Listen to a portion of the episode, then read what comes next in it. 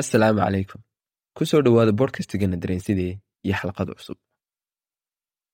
Xalqadeennan waxaynu ku soo qaadan doonnaa mid ka mida kiisaska dil ee ugu caansan ee ka dhacay dalka maraykanka. Waa kiis dil oon ilaa hadda loo hayn cidda fulisay. Ilaa hadda dembiiluhu waa mid aan la garanayn. Kiiskan oo dhacay kii waa mid furan ilaa iminka aynu hadlayno sheekadani waxay ku caanbaxday black dahliya waxay ku dhacday gabadh dhalinyaro oo amerikaan oo waddadeedu ahayd labaiyo labaatan jir oo magaceega loodhan jiray elizabeth elizabeth short oo ku caanbaxday magaca black dahliya waxay ahayd gabadh maraykana oo meydkeega laga helay xaafadda lima bark ee magaalada los angeles gobolka california. Gooray ahayd shan iyo tobankii january kii kiiskeega ayaa noqday mid si weyn u shaacbaxay sababo la xidhiidha qaabka foosha xun ee loo geystay inta faldambiyeedkeeda iyadoo uu dhaawacyo waaweyn loo geystay. Sidoo kalena dhexda laga kala gooyey elizabeth short waxay ku dhalatay magaalada boston waxayna nolosheeda intii ugu badnayd ku qaadatay gobollada new england iyo florida ka hor intaysan uu soo guurin gobolka california halkaasoo aabaheed ku noolaa elizabeth waxay ku hamiyi jirtay oo u jeclayd inay noqoto jilaa hollywoodka ka soo muuqda marum magaca amba naanaysta black dahliya amba dahliyadii maroobeyd oo ah ubax ka baxa latin america waxay heshay kadib dhimashadeedii maxaa yeelay wargeysada xilligaa soo bixi jiray waxay ahaayeen kuwa naanayse u bixin jiray dilalka kiis ee shaacbaxa sidoo kale waxaa laga yaabaa inuu ka yimid ereygani black dahliya kadib sheeko dil oo filin laga sameeyey oo la odhan jiray blue dahliya oo soo baxday kii waxda bilayska ee los angeles oo loo soo gaabiyey magaceega l a b d waxay bilowday baadhitaan ballaadhan oo soo saaray in ka badan shan boqol iyo konton tuhumani laakiin aan midna lagu helin dembiga dilka gabadha. Dilka short oo aan la xalin iyo faahfaahinada ku xeernaa waxay ka dhigtay mid hadalhayn fara badan keentay taasoo keentay in aragtiyo iyo kala duwan iyo malaawaal dadweyne ay ka soo baxaan kiiskan. Nolosheeda iyo dhimashadeeda ayaa laga qoray buugaag iyo filmaan fara badan. Dilkeedana waxa uu ahaa mid lagu tilmaamay mid ka mida dilalka ugu caansan inaan la xallin ee taariikhda maraykanka. Elizabeth waxay dhalatay julaay keygii kii iyadoo ku dhalatay magaalada boston ee gobolka massachusetts ee dalka maraykanka waxay ahayd qofka saddexaad oo shan gabdhood ee ay iska dhaleen clowi alvin short oo ahaa aabaheed iyo xaaskiisa oo la odhan jiray vb may sawyer. Aabaheed elizabeth short waxa uu ku khasaaray amba uu ku caydhoobay dumitaankii dhaqaale ee dhacay kii sannadkii iyo soddonkii ayaa aabaheed gaadhigiisii waxauu kaga degay meel cidlo ah oo ku dul taalay buundada charlestown ee dul marta webiga charles isagoo la aaminay in uu isku qarqiyey amba uu isku tuuray webiga charles. Balse hooyadeed oo ahayd gabadh guri-jooga waxay u shaqo tagtay intaa kadib meel lagu iibiyo bugaagta si ay u taageerto qoyskeyga uu uga hesho nolol maalmeedka. Elizabeth waxaa helay xanuunka oofareenta sidoo kale waxa ay yeelatay xanuunka neefqabatowga waxaana lagu sameeyey qaliil dhanka sambabada markii ay jirtay shan iyo toban jir. Kadib dhakhaatiirtu waxa u soo jeediyeen oo kula taliyeen hooyadeed inay geyso meel cimilo fudud oo dhexdhexaada leh. Hooyadeedna waxay elizabeth u dirtay asxaab ay qoysku lahaayeen kuwaasoo ku noolaa magaalada miami ee gobolka california. Elizabeth waxa ay halkaa ku soo qaadatay saddex sanno kadib intii aanay ka dhicin oo aanay ka hadhin dugsiga sare dabayaaqadii kii elizabeth short hooyadeed waxay heshay warqad raaligelin ah oo uga timid ninkeedii oo loo malaynayay inuu dhintay taasoo daha ka qaatay inuu dhab ahaantii nool yahay oo uu nolol cusub ka bilaabay gobolka california ee dalka maraykanka bishii disembar da-da elizabeth waxay ahayd siddeed iyo toban jir waxaanay u guurtay magaalada faleho ee gobolka california si ay ula noolaatay aabaheed kaasoo aanay arkin ilaa iyo markii ay ahayd da-da lix jirka. Wakhtigaas oo uu ka shaqaynayay meel u dhow meer iceland naval shipward oo ku taalay goobta la yidhaahdo san francisco bay. Muran dhex maray short iyo aabaheed waxa uu keenay inay ka guurto january elizabeth intii ay ku sugnayd ee ku nooleyd gobolka california waxay la kulantay nin la odhan jiray matthew michael jordan jr oo ahaa sarkaal ciidan matthew oo tobabar loo geeyey koonfur bari eshiya xilliguu socday dagaalweynihii labaad ee adduunku. Waxa uu sheegay elizabeth short in uu u soo diray waraaqad uu kaga codsanayo in marka uu yimaado ay isguursadaan balse waxaa ku dhacay dhaawac oo waxa uu galay shil. Intaa wixii ka dambeeyeyna waxa uu ku dhintay shil labaad oo uu galay oo ka dhacay dalka hindiya. Kadib elizabeth short waxa ay lix bilood oo nolosheeda ah ku qaadatay koonfurta california.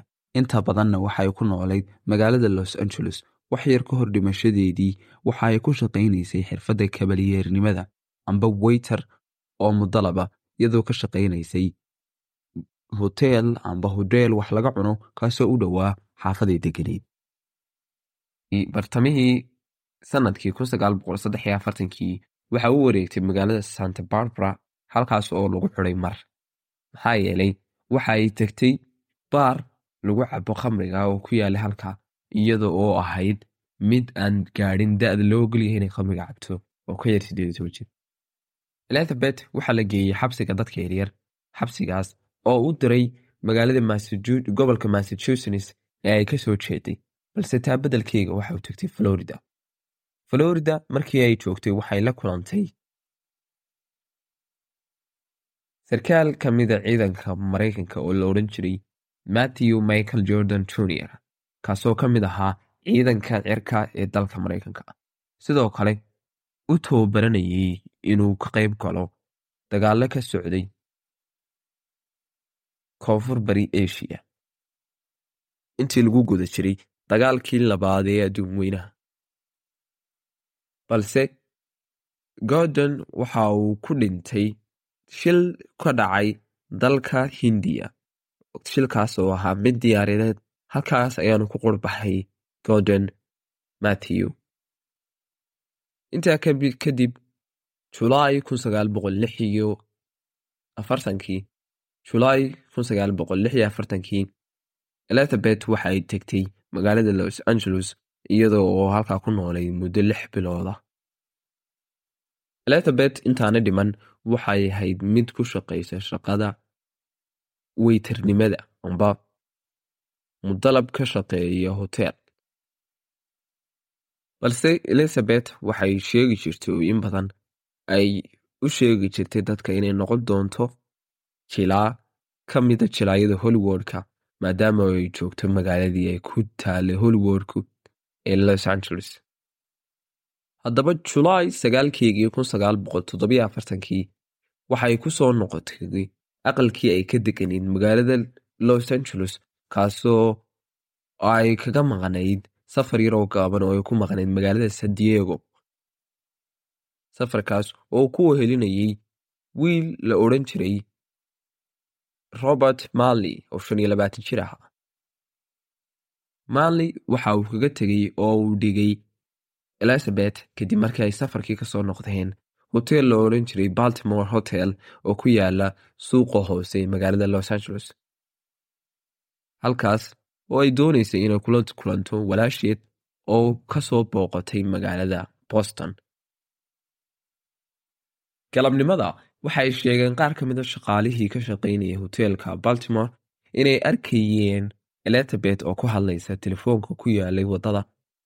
Intaa kadibna elizabeth waxaa lagu arkay iyada oo joogta meel u jirta lix boqol oo mitir.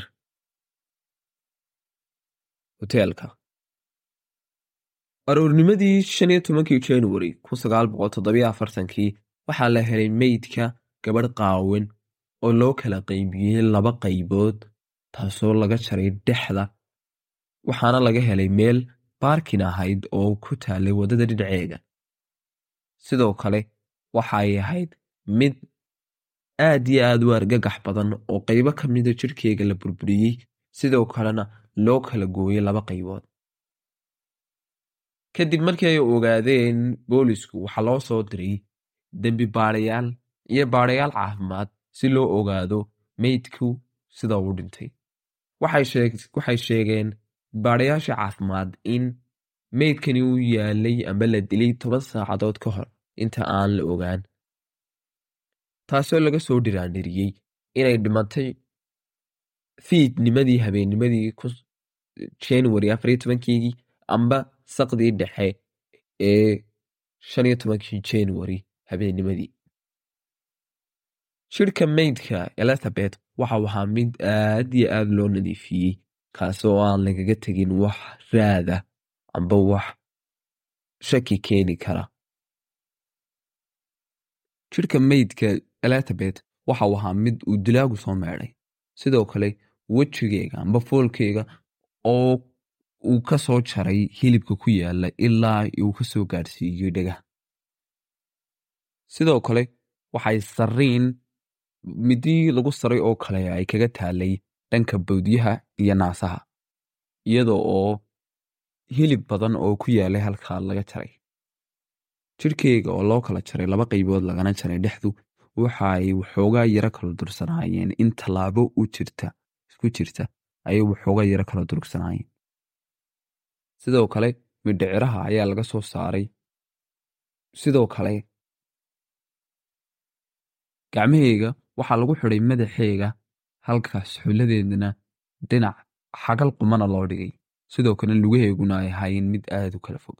Intaa kadib waaxda booliska u qaabilsan qalliinka iyo baadhista dilalka dhaca iyo meydadka la helo in qaliimo baadhis loogu sameeyo si loo ogaado sida uu qofkaasi u dhintay. Oo magaceega la dhahdo otisby ayaa sheegay in jidhka meydkan loo kala jaray tekniik amba hab loo yaqaano hemocrobitamy kaasoo laba qaybood oo isleg lagu kala jaray jidhkeega iyadoo halka laga jarayna ay ahayd dhanka dhexda.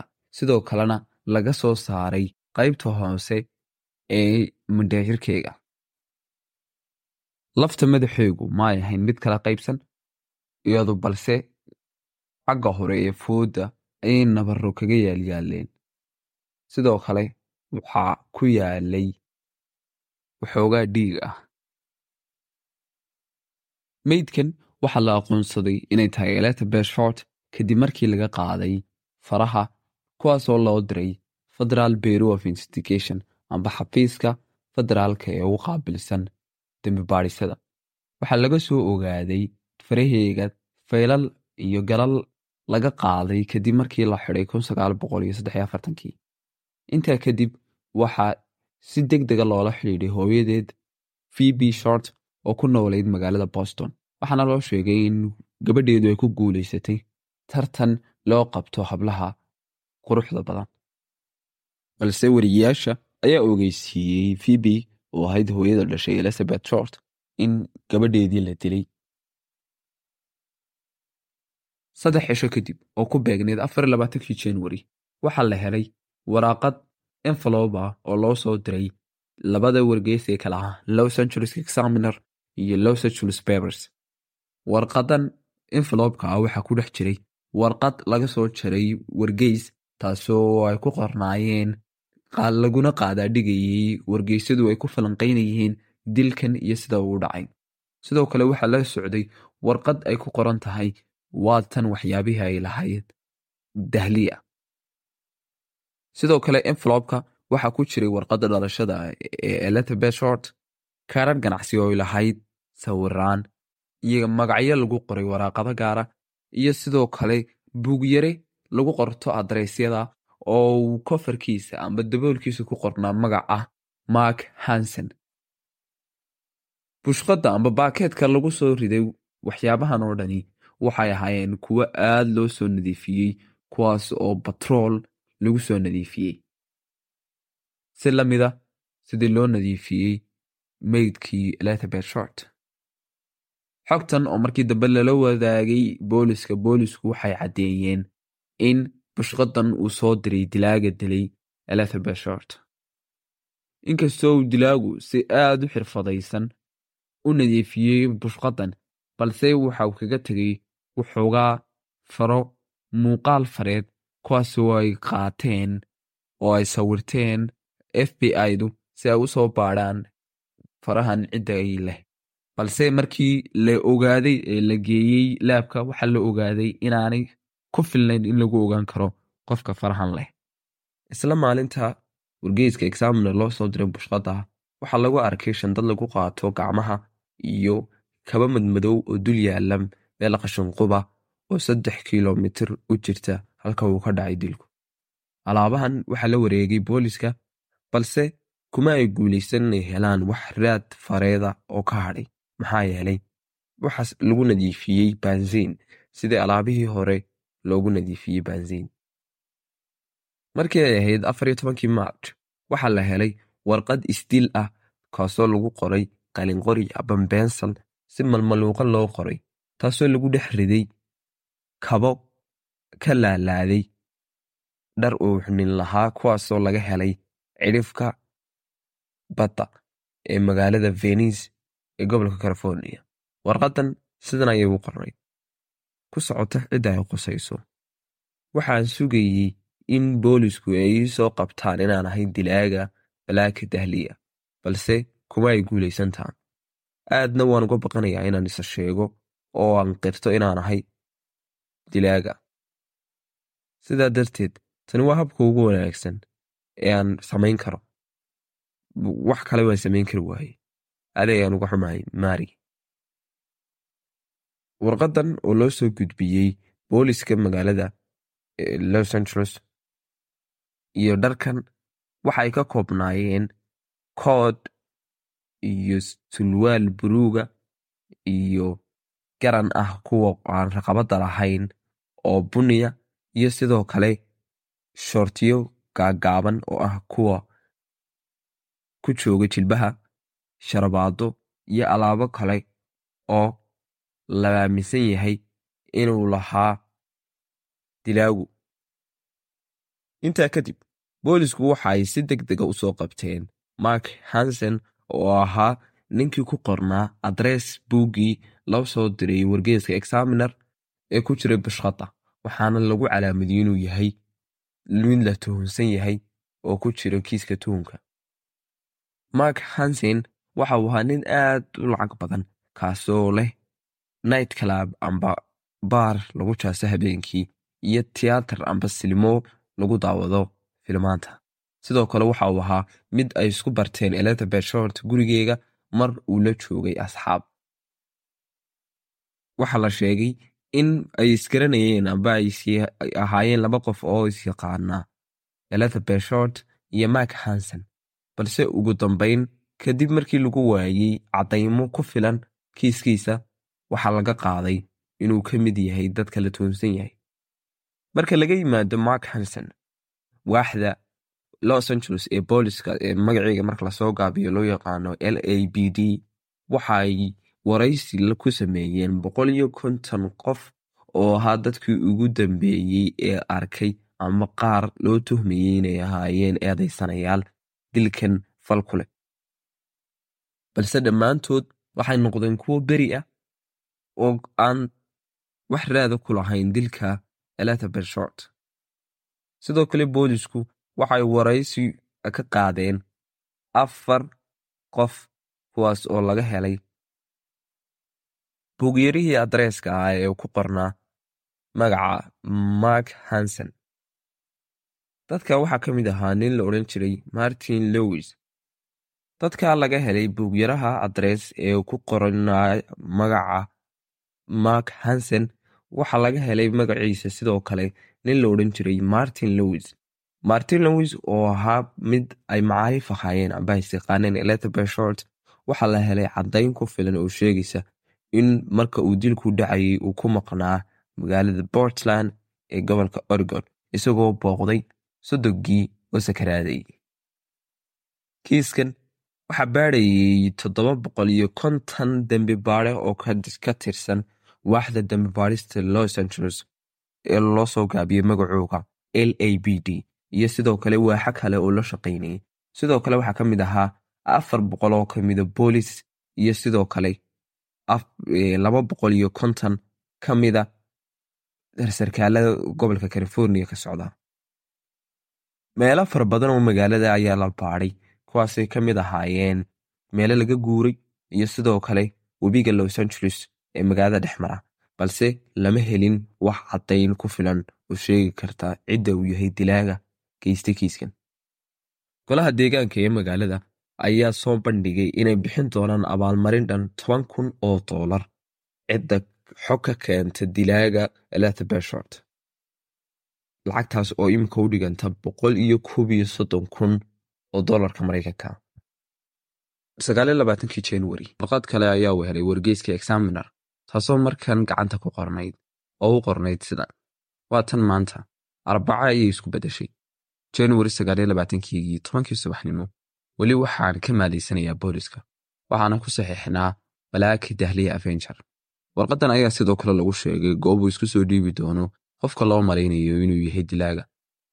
Booliska ayaa goobta tegey subaxnimadii sagaaliyo labaatankii january balse ma uusan soo muuqan gacan ku dhiigluhu taa beddelkeega kowdii duhurnimo ayaa xafiiska wargeyska examiner uu helay warqad kale oo la jarjaray oo u qornayd sida tan waan beddelay fikradeedii ahayd inayse soo dhiibo idinka heli maayo cadaalad. Dilka dahliya waxa uu ahaa mid xaqa. Wargeysada dalka maraykanka oo dhan ayaa si weyn u tabinayay sheekada.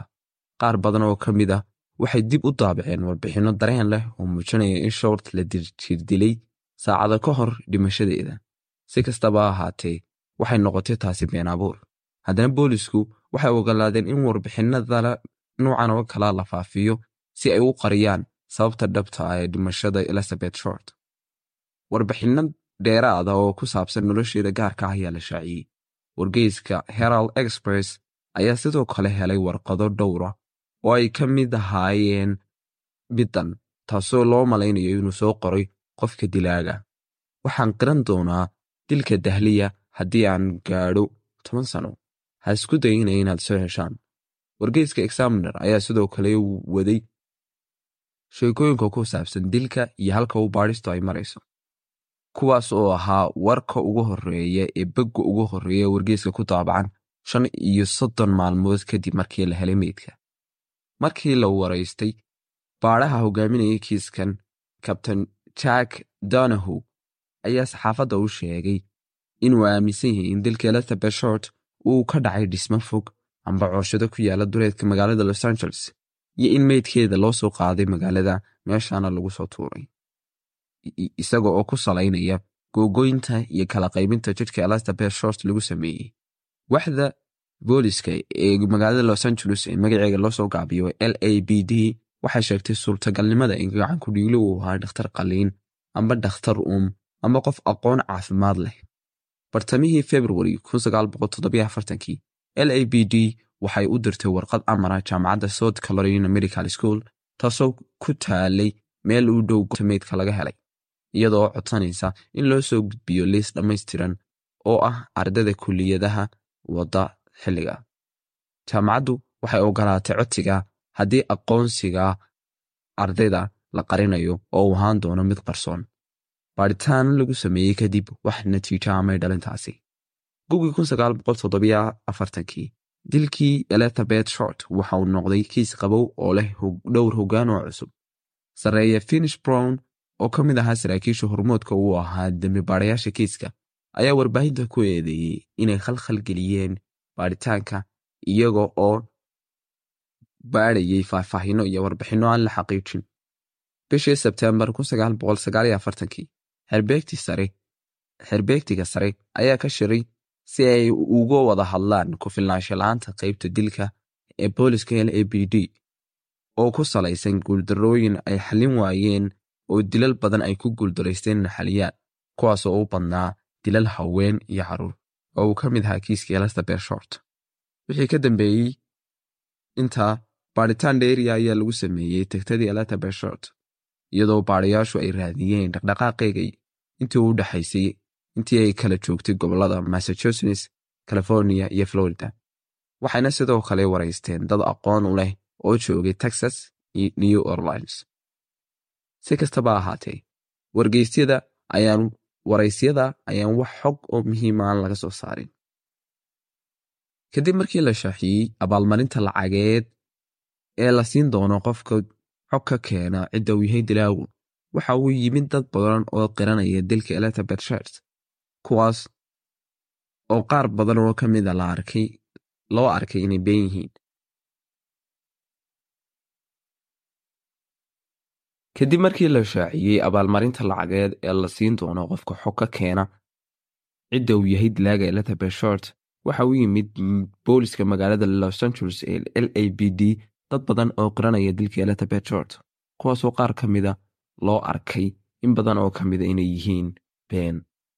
Intii lagu geli jiray baaritaanka bilowga ah ee dilka elizabeth short boolisku waxay heleen wadar ahaan lixdan qiraal kuwaas oo sheegaya inay xog ka hayaan amba ay garanayaan cidda yahay dilaagu dadka inta ugu badan qiraaladan fulinayay waxay ahaayeen rag ilaa wakhtigaas in ka badan shan boqol oo qof ayaa arrimo ku saabsan dembiga amba qiraala keensaday kuwaasoo qaar ka mid a xataa aanay dhalan xilligii ay elizabeth short dilkeegu dhacayay. Serjan john b.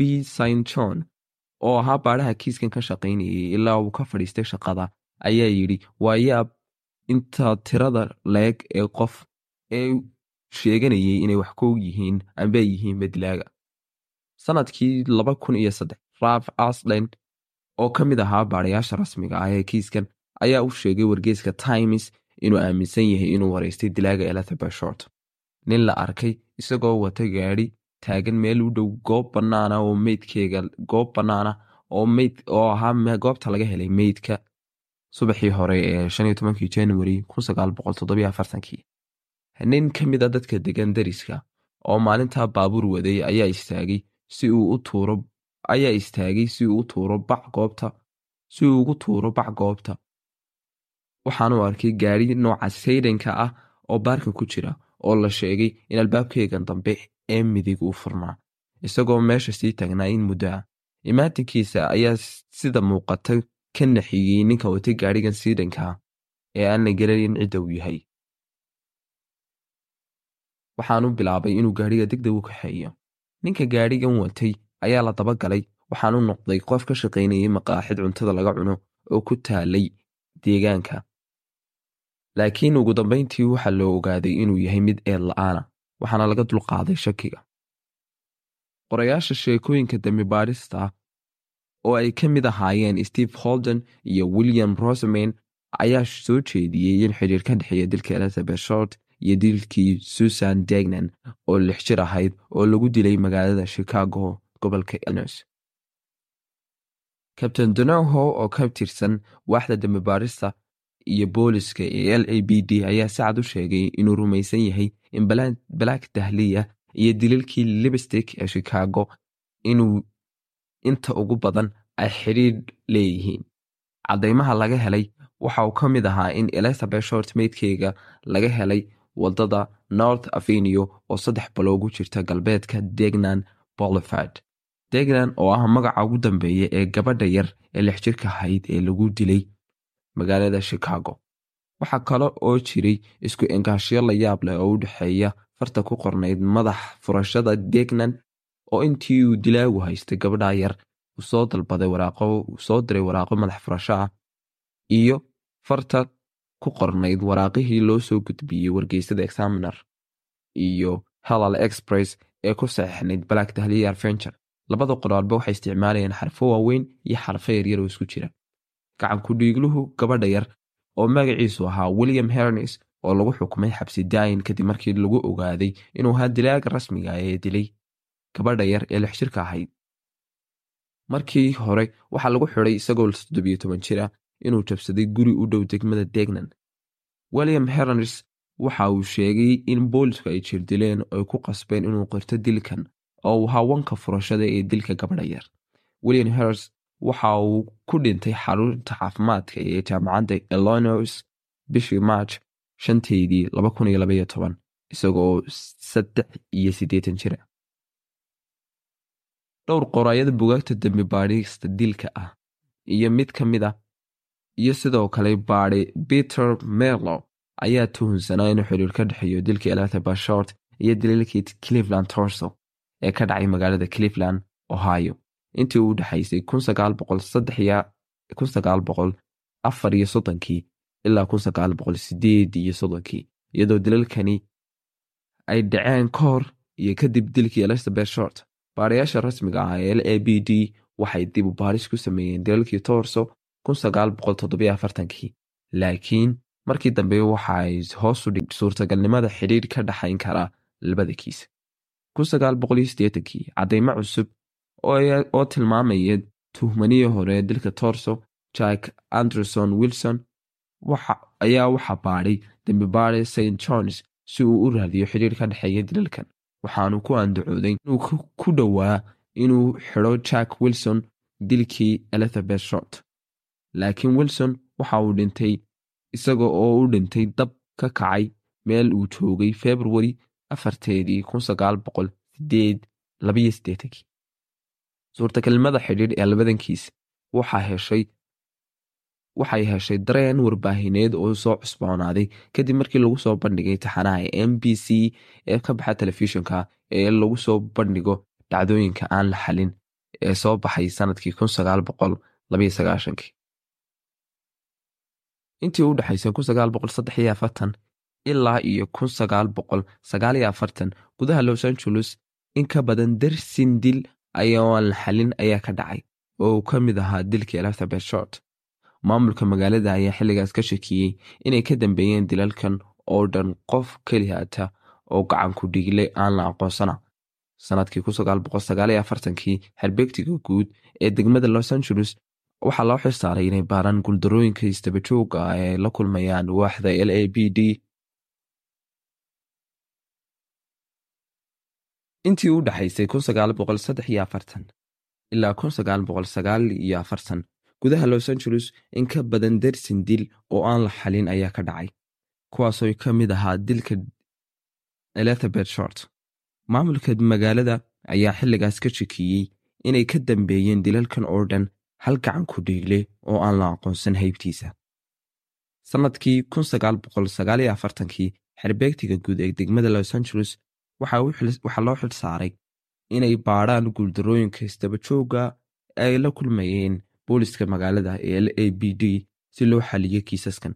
Baadhitaano dheeraada ayaa lagu sameeyey kiisaskan dil inkastoon midna toona aan la xalin ilaa maanta oynu joogno lama yaqaano cidda uu ahaa dilaaga dilay elizabeth short iyo dilalkan kale ee ka dhacay magaalada los angeles intii u dhexaysay ilaa